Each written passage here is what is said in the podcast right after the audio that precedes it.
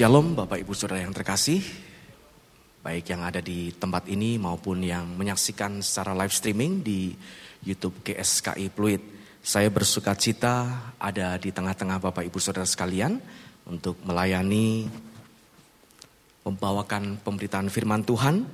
Biarlah pada kesempatan kali ini yang kita dengarkan hanyalah pesan dari Tuhan saja saya mengajak kita sekalian membuka Alkitab kita di dalam suratan Filipi pasal yang kedua. Suratan Filipi pasal yang kedua ayat yang pertama sampai dengan ayatnya yang kelima.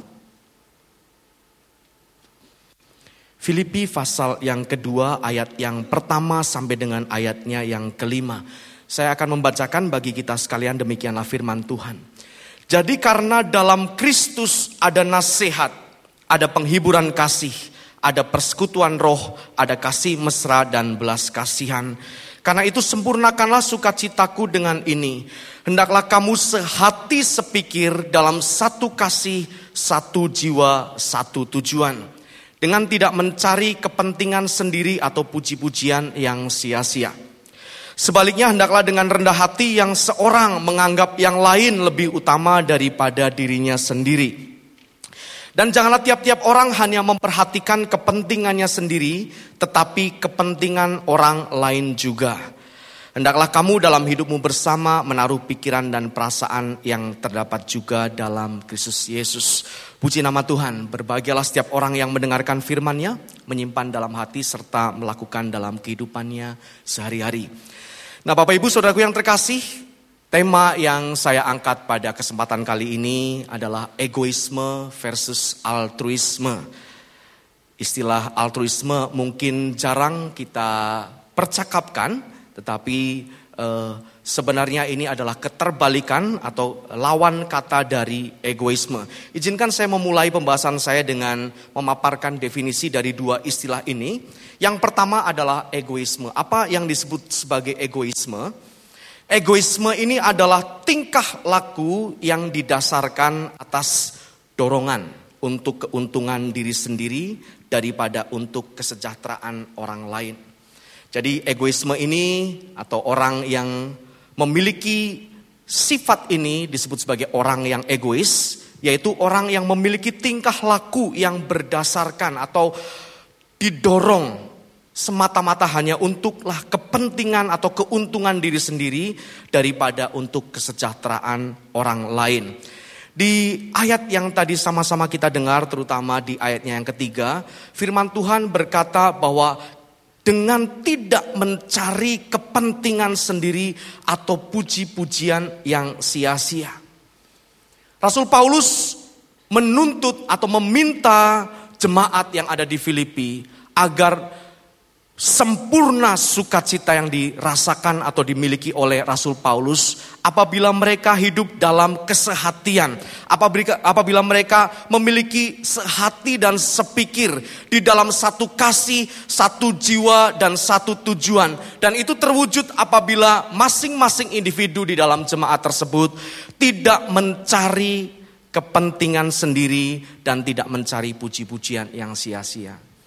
Atau dengan kalimat lain yang lebih sederhana, apabila tidak ada egoisme di dalam hidup jemaat, barulah sukacita dari Rasul Paulus ini menjadi sempurna atau menjadi lengkap. Nah, lawan kata dari egoisme ini adalah altruisme. Altruisme berarti adalah sifat yang lebih memperhatikan dan mengutamakan kepentingan orang lain. Ya, sifat yang lebih memperhatikan dan mengutamakan kepentingan orang lain. Jadi altruisme ini 180 derajat berbeda atau berkebalikan dengan egoisme. Jika yang menjadi pusat atau sentral dari kehidupan orang yang egois adalah dirinya sendiri, maka pusat dari orang yang memiliki sifat altruisme ini adalah kepentingan orang lain. Entah mengapa Bapak Ibu Saudara sekalian, ya semua orang, ya semua orang terlahir dari sejak bayi lalu kemudian menjadi anak-anak kecil merasa bahwa yang menjadi pusat dari segala sesuatu, yang menjadi center dari Jagat raya ini adalah dirinya sendiri. Anak-anak, semua anak-anak selalu menuntut perhatian dari semua orang yang ada di sekelilingnya. Kalau dia merasa kurang diperhatikan, apalagi tidak diperhatikan, maka anak-anak ini akan menangis, akan merajuk, akan caper, cari perhatian supaya apa yang diinginkannya itu dicapainya. Dia selalu merasa anak-anak ini akan selalu merasa menjadi pusat dari jagat raya ini, the center of the universe. Tetapi ketika orang-orang, ketika kita menemukan bahwa the center of the universe, bahwa pusat dari alam semesta ini atau jagat raya ini bukanlah dirinya sendiri, ya, maka banyak orang kemudian menjadi kecewa, menjadi terkejut bahwa mereka bukanlah di pusat dari alam semesta itu. Tidak mengherankan apabila anak-anak menuntut hal semacam itu, ya namanya juga anak-anak, rasanya menjadi satu siklus yang alamiah yang natural. Untuk minta diperhatikan, untuk minta menjadi pusat perhatian dari semua orang yang di sekelilingnya. Tetapi menjadi tidak natural menjadi tidak pada tempatnya apabila sudah cukup umur, ya, sudah banyak usianya, namun masih memiliki egoisme. Masih merasa bahwa pusat dari alam semesta ini adalah dirinya sendiri. Kita tentu pernah atau barangkali sering mendengar kalimat bahwa menjadi tua itu pasti tetapi menjadi dewasa adalah pilihan. Ya. Menjadi tua itu dengan bertambahnya umur otomatis secara otomatis akan menjadi tua. Tetapi tidaklah demikian dengan kedewasaan cara atau kematangan cara berpikir seseorang tidaklah secara otomatis sejalan dengan bertambahnya usia orang tersebut. Ini sangatlah ditentukan oleh pilihan dan keputusan dari masing-masing pribadi lepas pribadi. Ya. Menanggalkan ciri-ciri dari egoisme ini tidaklah mudah karena dari sedari, sedari kecil kita sudah memupuk sikap semacam ini. Beberapa ciri-ciri orang yang egois di antaranya adalah mau menang sendiri, tidak mau dikalahkan oleh siapa pun juga.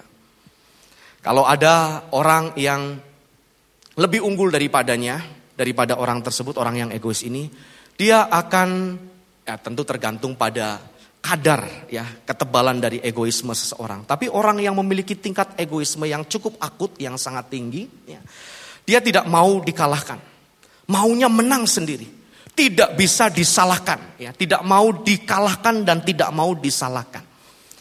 Walaupun semua bukti sudah merujuk, ya sudah menunjuk bahwa dialah yang bersalah, tetap bagaimanapun caranya dia akan berkelit. Dia akan berusaha menghindar dan menyalahkan orang lain, mencari kambing hitam orang lain, mengkambing hitamkan orang lain maksud saya. Nah ini ciri-ciri ketidakdewasaan, ciri-ciri orang yang memiliki egoisme. Orang yang hanya mementingkan atau mencari kepentingan sendiri. Dan yang melatar belakangi hal tersebut biasanya adalah kebutuhan atau tuntutan agar dia memperoleh puji-pujian yang dikatakan oleh firman Tuhan tadi sebagai puji-pujian yang sia-sia. Ciri-ciri yang lain dari orang yang egois ini, ya, selain mau menang sendiri atau tidak mau dikalahkan dan tidak mau disalahkan, yaitu sulit menerima saran dari orang lain. Sulit menerima saran dari orang lain sepanjang tidak menguntungkan dirinya, terutama saran-saran yang tidak mendatangkan keuntungan bagi dirinya sendiri. Sehingga orang-orang seperti ini biasanya sulit atau tidak mudah untuk mengajak dia bekerja sama. Ya. Orangnya tidak kooperatif. Dalam teamwork kalau ada orang seperti ini, aduh capek deh. Rasanya kesabaran kita selalu dikuras habis oleh orang-orang seperti ini. Ya. Tapi mungkin saja Tuhan menempatkan orang-orang yang memiliki egoisme ini untuk melatih kita. Ya. Untuk melatih kesabaran kita supaya kita semakin dewasa. Supaya kita semakin memupuk sifat yang kebalikan dengan itu yaitu altruisme tadi. Mementingkan kepentingan orang lain. Barangkali tujuan dan saya yakin bukan hanya mungkin ya. Saya yakin salah satu tujuan maksud Allah menempatkan orang-orang yang egois itu di dekat kita adalah supaya kita semakin memperhatikan orang yang egois tersebut. Sehingga ya melalui diri kita cepat atau lambat orang tersebut bisa berubah dari sifatnya dan meninggalkan keegoisannya tersebut. Jadi beberapa sifat atau ciri-ciri dari orang egois ini tadi tidak mau dikalahkan dan tidak mau disalahkan. Dia orang yang sulit menerima saran, apalagi yang tidak menguntungkan bagi dirinya sendiri. Tidak atau sulit bekerja sama ya dalam satu tim orang ini sulit atau tidak bisa diajak bekerja sama. Dan rasa toleransinya biasanya kecil. Dia empatinya ya penerimaannya terhadap kesalahan orang lain itu sangatlah kecil. Ya. Tadi hal yang pertama dia tidak bisa disalahkan, tidak mau disalahkan. Tetapi apabila orang lain yang berbuat salah, hmm, selesai. Selesai sudah. Akan dikuliahin. Ya. Akan selalu diomelin. Ya. Bahkan orang seperti ini tidak segan-segan mencari-cari kesalahan-kesalahan dari orang lain. Yang lebih akut lagi, yang tidak salah pun dijadikan kesalahan. Demi memuaskan egonya dia.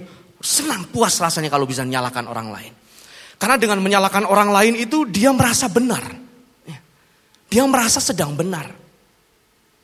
Dan itu semakin memupuk lagi sifat egoisme orang tersebut. Semakin kecil harapan untuk orang ini kemudian berubah. Sifat-sifat lain yang dimiliki orang yang egois biasanya adalah perhitungan. Kalau berbuat kebaikan bagi orang lain, ya maka orang ini akan terus mengingat-ingat kalau perlu dicatat. Ya, saya pernah berbuat kebaikan ini terhadap orang A itu. Ya. 12 tahun yang lalu dia hutang 5 juta 375 ribu rupiah belum dikembalikan sampai sekarang. Sampai ke titik komanya pun diperhatikan. Perhitungan sekali. Bukan berarti orang yang suka perhitungan ini pasti selalu egois ya. Orang akuntansi ya, seorang akuntan pasti harus perhitungan. Tentu harus dilihat konteksnya. Ya, tidak semua yang suka berhitung ini pasti orang egois, tetapi orang egois pasti suka perhitungan. Ya, senang mengungkit-ungkit kebaikan yang jasanya yang dilakukan di masa lalu. Gitu bahkan suka mengungkit-ungkit kesalahan yang dilakukan oleh orang lain di masa lalu. Sudah bertahun-tahun silam masih diungkit-ungkit, masih diingat-ingat terus, diingatkan terus ke orang tersebut. Ya, kamu tuh dulu pernah ya pernah berbuat ini, berbuat jahat ini terhadap saya. Padahal kejadiannya udah 29 tahun yang silam gitu. Nah, ini karakteristik atau ciri-ciri orang yang egois. Dan biasanya orang seperti ini keras kepala selalu ingin menang dalam setiap perdebatan dan yang terakhir adalah anti say sorry. Tidak mau minta maaf. Walaupun dia bersalah, tetapi dia akan menuntut orang lain yang minta maaf kepadanya. Ya. Bapak Ibu mungkin pernah melihat ya beberapa waktu yang lalu, mungkin di uh, televisi ataupun di news begitu ya, ada seseorang yang mengendarai mobil, dia yang bersalah, dia yang ya, dia yang nabrak. Tapi orang ini yang mukul yang ditabraknya. nah ini ciri-ciri orang yang egois akut seperti itu. Sudah tahu dia bersalah tapi nggak mau disalahkan, maka dia lakukan segala macam cara. Kalau perlu pukul orang lain. Menuntut orang lain yang minta maaf sama dia. Loh, orang lain sampai bingung, ini yang salah siapa kok yang harus minta maaf kok? yang tidak bersalah begitu ya. Saya tidak menunjuk kepada siapa-siapa Bapak Ibu, tetapi kalau merasa tertuduh, oh ini pendeta ini nyindir saya, nah itu berarti Bapak itu orangnya. Ya Ibu itu orangnya. Kan saya nggak nyebutin nama siapa-siapa ya. Firman Tuhan pada kesempatan kali ini mengingatkan kembali kepada kita. Saya percaya ayat ini sudah sering Bapak Ibu dengarkan, sudah sering Bapak Ibu membacanya. Tapi untuk sekali lagi pada kesempatan kali ini kita kembali diingatkan apabila ternyata kita masih memiliki sifat egoisme di dalam diri kita. Inilah kesempatan yang terbaik untuk kita bertobat, meninggalkan sikap egoisme kita. Dan mengenakan sifat yang keterbalikan dari itu, yang berkebalikan dengan egoisme yaitu altruisme, sikap atau sifat yang lebih memperhatikan dan mengutamakan kepentingan orang lain. Nah, menjadi pertanyaan selanjutnya Bapak Ibu Saudaraku yang terkasih. Dapatkah orang-orang lain di luar Kristen Dapatkah orang-orang yang beragama di luar Kristen memiliki sifat altruisme, mementingkan kepentingan orang lain daripada kepentingannya sendiri? Jawabannya tentu saja sangat bisa. Bisa dan bahkan tidak sedikit orang-orang non-Kristen, orang-orang yang beragama di luar Kristen memiliki sifat altruisme yang justru tidak dimiliki oleh orang-orang Kristen. Lebih unggul daripada orang Kristen. Padahal kita sebagai orang percaya, orang yang mengakui sebagai pengikut Kristus. Kristen artinya to be like Christ atau menjadi the follower of Jesus, disciple of Christ. Menjadi murid Kristus, harus meneladani Kristus. Kalau kita membaca ayat-ayat selanjutnya dari Filipi 2 1 sampai 5 tadi, jelas sekali digambarkan di sana bahwa sifat Kristus ini tidak perlu diragukan lagi adalah bersifat altruisme. Tuhan tidak pernah mementingkan kepentingannya sendiri. Bahkan di atas kayu salib, di puncak penderitaannya, di saat tetes-tetes terakhir dari darahnya ketika menjelang kematiannya. Apa yang terucap dalam mulut Tuhan kita Yesus Kristus? Yang diucapkannya adalah demikian. Ya Bapa, ampunilah mereka. Sebab mereka tidak tahu apa yang mereka perbuat. Ini sungguh suatu teladan yang luar biasa yang dicontohkan oleh Kristus kepada kita semua di tengah-tengah penderitaannya, bahkan di puncak penderitaan yang dialaminya, dia tidak berdoa demikian. Tuhan, Bapakku yang di sorga, tolong catat baik-baik tuh. Ingat-ingat wajah-wajah orang yang menyalibkan saya ini. Rasanya sakit. Tidak terucap. Bahkan tidak terpikirkan sama sekali. Di dalam benak Kristus. Justru yang ada adalah pengampunan. Yang ada adalah rasa belas kasihan. Padahal sesungguhnya dialah yang layak dikasihani. Aduh kasihan. Kita biasanya mengatakan bahkan dia tidak dikenali lagi. Wajahnya tidak serupa dengan manusia. Udah seumpama atau seperti binatang. Akibat penderitaan yang dialaminya untuk ganti kita. Seharusnya kitalah yang disalibkan. Seharusnya kitalah yang binasa. Tetapi Kristus lebih mementingkan kepentingan orang lain. Dia begitu besar kasih Allah akan dunia ini. Ya. Kata Yohanes pasal 3 ayat yang ke-16. Sehingga ia mengaruniakan putranya yang tunggal.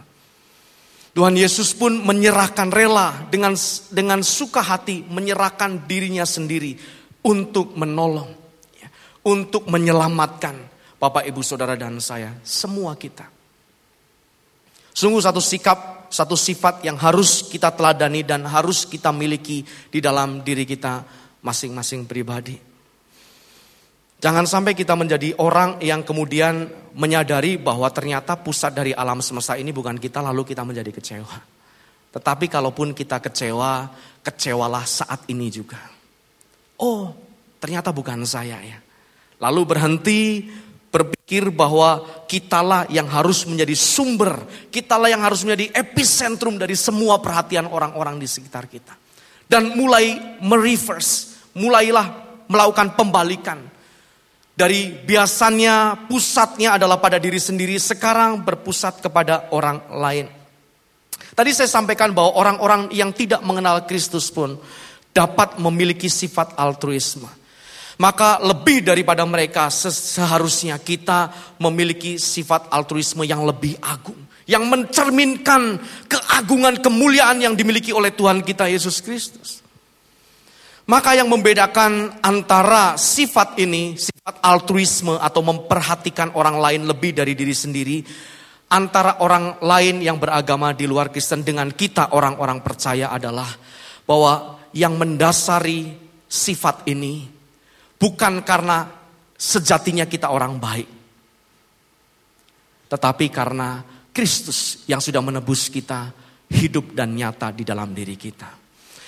Inilah yang mendasari sifat altruisme kita. Inilah yang mendorong kita untuk kita lebih memperhatikan kepentingan orang lain daripada diri kita sendiri. Kalau mungkin orang lain di luar kita, ya tetangga kita melakukan sifat kebijakan ini atau eh, kebajikan ini didasari oleh satu hukum yang dianut mereka ya yaitu hukum karma misalnya. Bahwa mereka menghendaki satu kehidupan yang lebih baik di masa yang akan datang, di kehidupan yang akan datang ketika mereka berreinkarnasi misalnya. Maka kita melakukan hal ini atau yang mendorong sifat mengutamakan orang lain ini adalah supaya kita bisa berkenan di hati Bapa di sorga. Agar kita menjadi serupa dengan Tuhan kita Yesus Kristus. supaya orang lain yang melihat kita, mereka dapat mengalami perjumpaan dengan Tuhan kita. Inilah yang dimaksud sebagai kita menjadi suratan yang terbuka bagi Kristus. Di mana hidup kita ini memperagakan. Hidup kita mendemonstrasikan dan menjadi saluran kasih Allah di dalam dan melalui diri kita. Nah Bapak Ibu Saudaraku yang terkasih saya rindu mengajak kita memperhatikan contoh ya di dalam Injil ya mengenai dua kelompok orang yang egois dan orang yang bersifat altruistis. Lukas pasal 10 ayat yang ke-30 sampai dengan ayat yang ke-37 tetapi saya akan pause dulu beberapa ayat baru kemudian saya akan lanjutkan lagi pembacaan perikop ini. Lukas pasal 10 ayat yang ke-30 Jawab Yesus, adalah seorang yang turun dari Yerusalem ke Yeriko. Ia jatuh ke tangan penyamun-penyamun yang bukan saja merampoknya habis-habisan. Tetapi yang juga memukulnya dan yang sesudah itu pergi meninggalkannya setengah mati. Kebetulan ada seorang imam turun melalui jalan itu. Ia melihat orang itu. Tetapi ia melewatinya dari seberang jalan. Demikian juga seorang Lewi datang ke tempat itu. Ketika ia melihat orang itu, ia melewatinya dari seberang jalan. Saya akan pause di sini terlebih dahulu, barulah nanti akan saya lanjutkan ke ayat-ayat berikutnya. Nah, Bapak Ibu Saudaraku yang terkasih, konteks dari ayat-ayat ini adalah ketika Tuhan Yesus dicobai oleh ahli-ahli Taurat. Ada seorang ahli Taurat yang menanyakan kepada guru kepada Rabi Yesus ini. Bagaimana cara untuk memperoleh hidup yang kekal? Lalu Tuhan Yesus menjawab kepadanya apa yang tertulis di dalam kitab Taurat. Ahli Taurat ini tentu saja tidak perlu membuka kitab, sudah hafal di luar kepalanya. Lalu dia menjawab, Kasihlah Tuhan Allahmu dengan segenap hatimu, dengan segenap jiwamu, dengan segenap akal budimu, ya, dan seterusnya. Lalu kasihilah sesamamu manusia seperti dirimu sendiri. Ini isi hukum Taurat. Bahkan di suratan Galatia, Rasul Paulus menyimpulkan ya klausul atau kalimat yang terakhir ini adalah merangkum atau mencakup seluruh isi hukum Taurat. Yaitu kasihilah sesamamu manusia seperti dirimu sendiri. Lalu karena ahli Taurat ini ternyata orang yang egois. Terbukti dia tidak mau disalahkan. Alkitab mencatat dia tidak mau disalahkan. Untuk membenarkan dirinya sendiri lalu dia menguji lagi, metes lagi ya. Menguji Tuhan Yesus kembali. Lalu siapakah sesamaku manusia. Ahli Taurat ini menjebak Tuhan Yesus. Apa pun jawaban Tuhan Yesus, dia siap-siap menerkam, hendak mempersalahkan Tuhan Yesus. Kalau Tuhan Yesus menjawab seperti orang-orang Yahudi pada umumnya, ya, pada umumnya bahwa sesamamu adalah sesama Yahudi. Ajaran rabi-rabi pada umumnya pada kala itu mengajarkan bahwa sesamamu manusia adalah sesama orang Yahudi. Maka ahli Taurat ini akan menyalahkan, "Loh kalau begitu yang lain bukan manusia. Kira-kira akan dipersalahkan demikian. Tetapi kalau Tuhan Yesus menjawab jawaban yang lain, maka ahli Taurat ini pun siap-siap untuk menerkam juga. Hendak mempersalahkan Tuhan Yesus juga. Tetapi Tuhan Yesus ya pribadi yang luar biasa berhikmat, hikmat dari Allah Bapa senantiasa menyertai kehidupannya. Dia menjawab dengan sangat bijaksana dengan mengajukan sebuah perumpamaan. Ya, perumpamaan ini menyodorkan ada tiga orang, ya, tiga orang dan kalau kita bisa pilah-pilah, ya, uh, kita bisa kelompokkan menjadi dua kelompok. Kelompok yang pertama adalah kelompok yang tidak dapat disebut sebagai sesama. Dan kelompok yang lain adalah kelompok yang disebut sebagai sesama. Nah, kelompok yang pertama, kelompok orang yang egoisme ini, kelompok yang di exclude, yang dikeluarkan dari dari sesamamu manusia oleh Tuhan Yesus adalah golongan dari imam. Dan yang berikutnya adalah golongan Lewi, seorang imam dan seorang Lewi. Ya. Kita coba menyelami ke dalam peristiwa itu, membayangkan seolah-olah kita adalah orang yang sedang turun dari Yerusalem ke Yeriko. Yang kemudian disatronin begitu ya, dirampok dan dihajar habis-habisan sampai setengah mati. Kemudian kita membayangkan kita atau orang tersebut siuman dengan setengah sadar sambil pingsan-pingsan setengah begitu ya, setengah sadar lihat orang imam lewat. Apa kira-kira yang muncul dalam benak kita apabila kita menjadi orang itu? Mungkin sekali kita akan berpikir demikian. Puji Tuhan. Ada pendeta lewat. Ada imam lewat. Wah pertolongan dari Tuhan datang kepadaku. Wih ternyata tidak. Ternyata justru ya bahasa Jermannya melipir gitu ya. Apa ini melipir tuh bahasa Indonesianya apa ya? Saya hanya tahu bahasa Jermannya aja tuh ya. Minggir pelan-pelan terus ngacir kabur keluar. Ya, meninggalkan orang ini. Demikian juga orang Lewi melakukan hal yang sama. Melakukan hal yang sama yaitu meninggalkan korban ini dalam keadaan yang mengenaskan.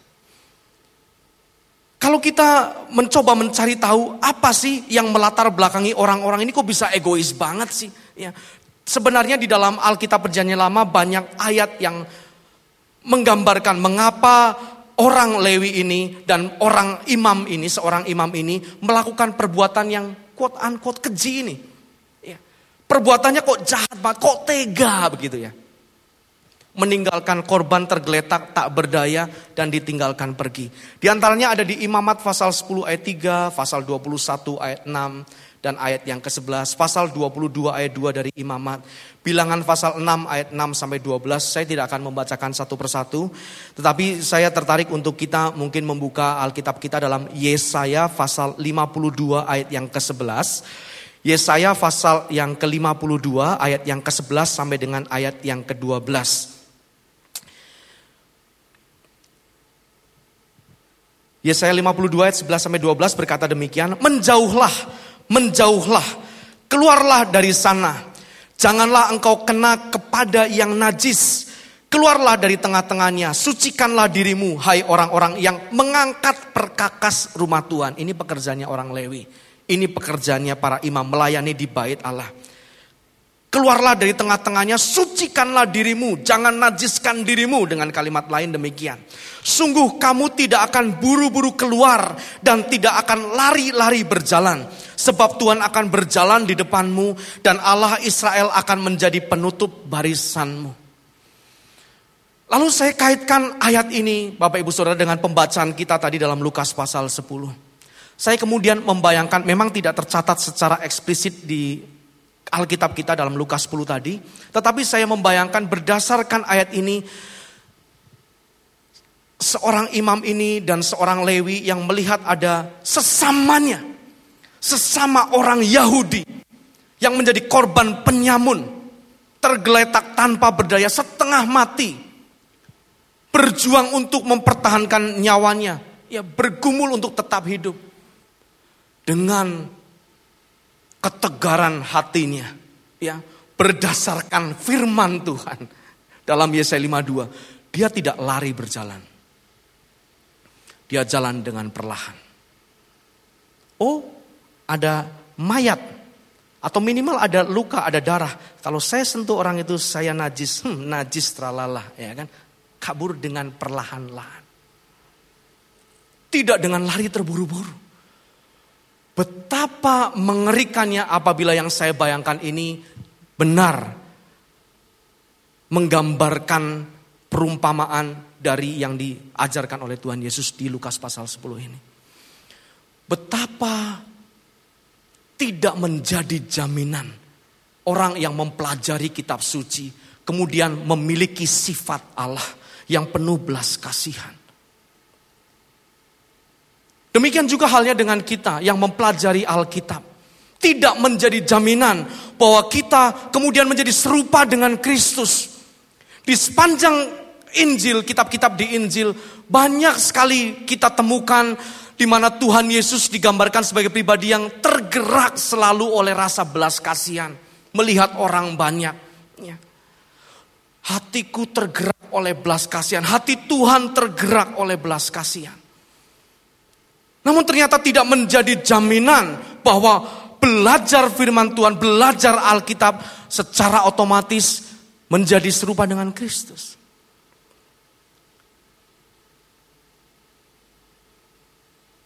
Terbukti seorang imam, seorang lewi bisa dengan tega meninggalkan sesamanya yang membutuhkan pertolongan. Oleh karena kepentingan dirinya sendiri. Supaya dia tidak najis. Supaya dia bisa tetap melayani Tuhan di bait Allah. Hal yang sangat tragis, hal yang sangat ironis terjadi. Dan kiranya itu dijauhkan oleh Tuhan daripada kita. Nah kemudian dikontraskan Uh, saya akan membaca ayat-ayat selanjutnya dari Lukas pasal 10 tadi, dimulai dari ayat 33 dan seterusnya. Lalu datang seorang Samaria yang sedang dalam perjalanan ke tempat itu. Dan ketika ia melihat orang itu tergelaklah hatinya oleh belas kasihan. Ia pergi kepadanya lalu membalut luka-lukanya sesudah ia menyiraminya dengan minyak dan anggur. Kemudian ia menaikkan orang itu ke atas keledai tunggangannya. Keesokan harinya ia menyerahkan dua dinar kepada pemilik penginapan itu. Katanya rawatlah dia dan jika kau belanjakan lebih dari ini aku akan menggantinya waktu aku kembali. Perhatikan kalimat ini baik-baik ayat selanjutnya. Siapakah di antara ketiga orang ini menurut pendapatmu? Pertanyaan Tuhan Yesus diajukan kepada ahli Taurat ini. Yang adalah sesama manusia dari orang yang jatuh ke tangan penyamun itu. Jawab orang itu, orang yang telah menunjukkan belas kasihan kepadanya. Maka kata Yesus kepadanya, pergilah dan perbuatlah demikian.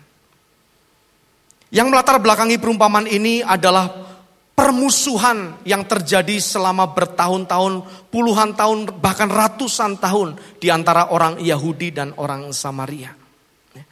Adalah satu kekejian bagi orang Yahudi, kenajisan bagi orang Yahudi apabila bertemu ya atau ber, e, berpapasan bahkan dengan orang Samaria. Itu adalah hal yang keji bagi orang Yahudi. Ya, permusuhannya sedemikian sengit. Tetapi pertanyaan Tuhan Yesus sangat luar biasa. Ya, menusuk batin dari ahli Taurat yang hendak mencobai dia. Hendak menyalahkan Tuhan Yesus dengan pertanyaan-pertanyaan yang menjebak. Perbuatlah demikian. Bagi orang Yahudi, apalagi bagi ahli Taurat yang mencobai Tuhan Yesus, hal yang sangat tidak mungkin berkata bahwa sesamaku adalah Samaria. Orang Samaria ini orang yang harus aku musuhi menurut orang ahli Taurat ini.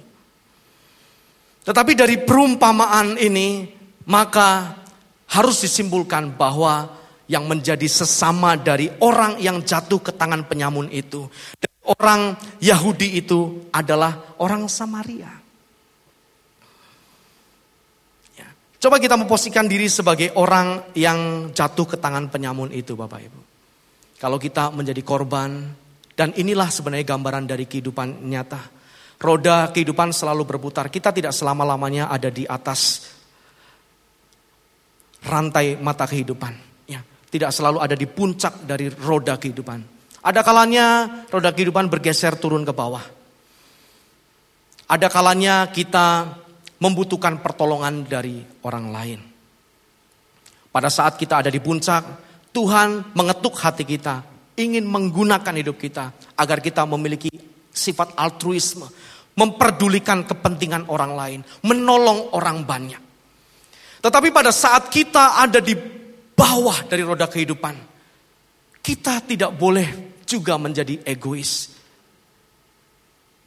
Dengan berkata, saya tidak membutuhkan pertolongan.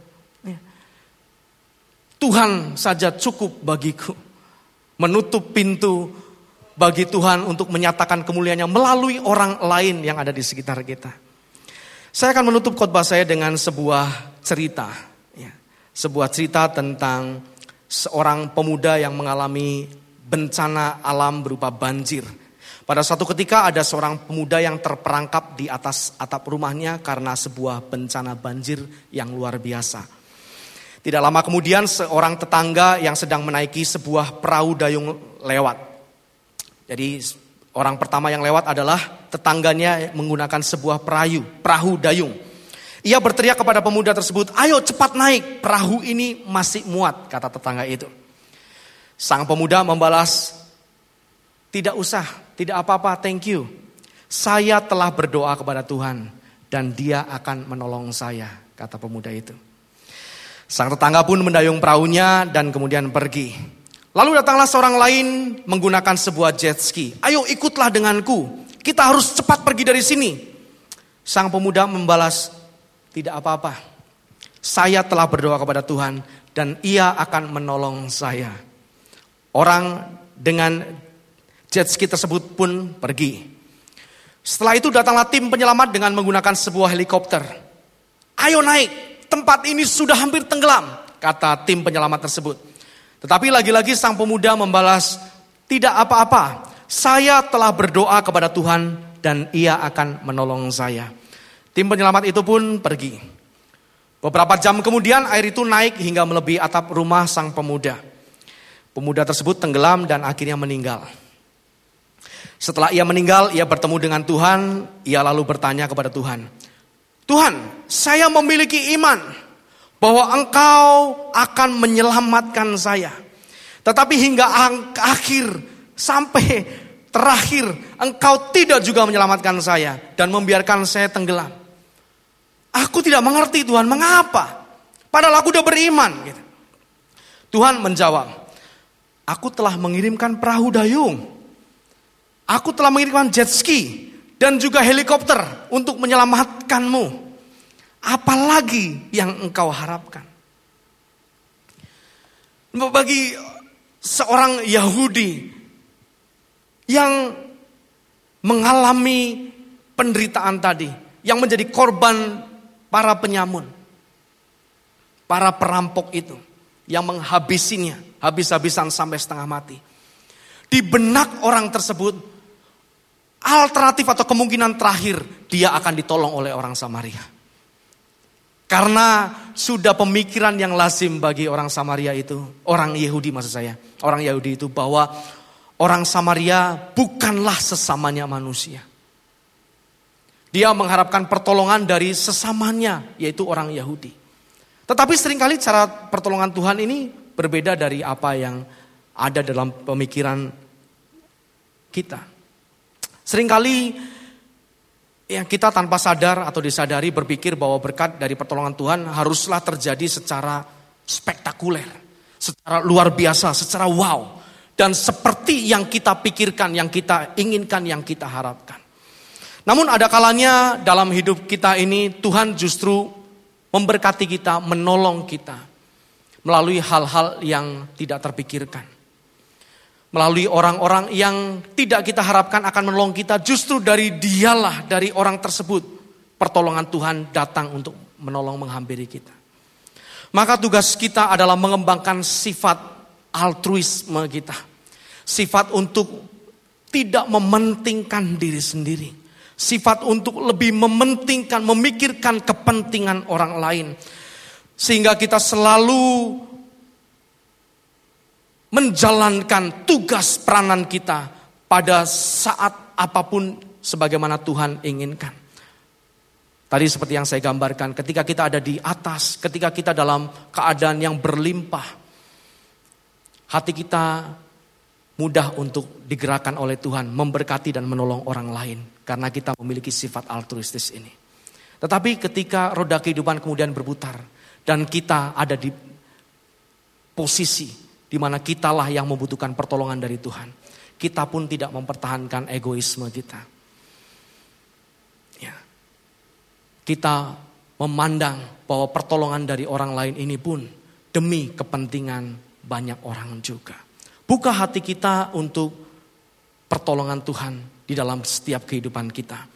Dan sehingga pada saatnya, pada waktunya, ketika kita mendapat giliran untuk memberkati, untuk menjadi saluran berkat Tuhan bagi orang-orang di sekitar kita. Kita pun menjadi caranya, menjadi cara Tuhan untuk melawat orang-orang lain di sekitar kita.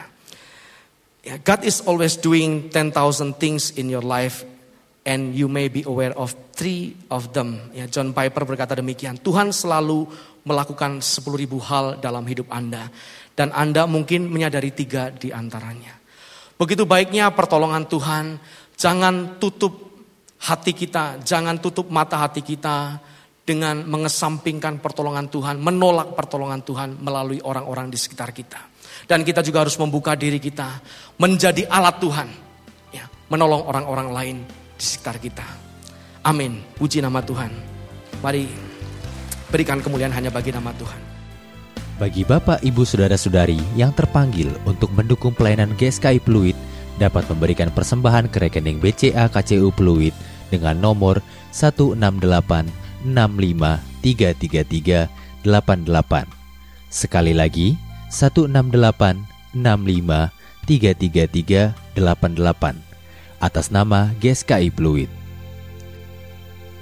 Terima kasih atas dukungan persembahan saudara. Tuhan Yesus memberkati.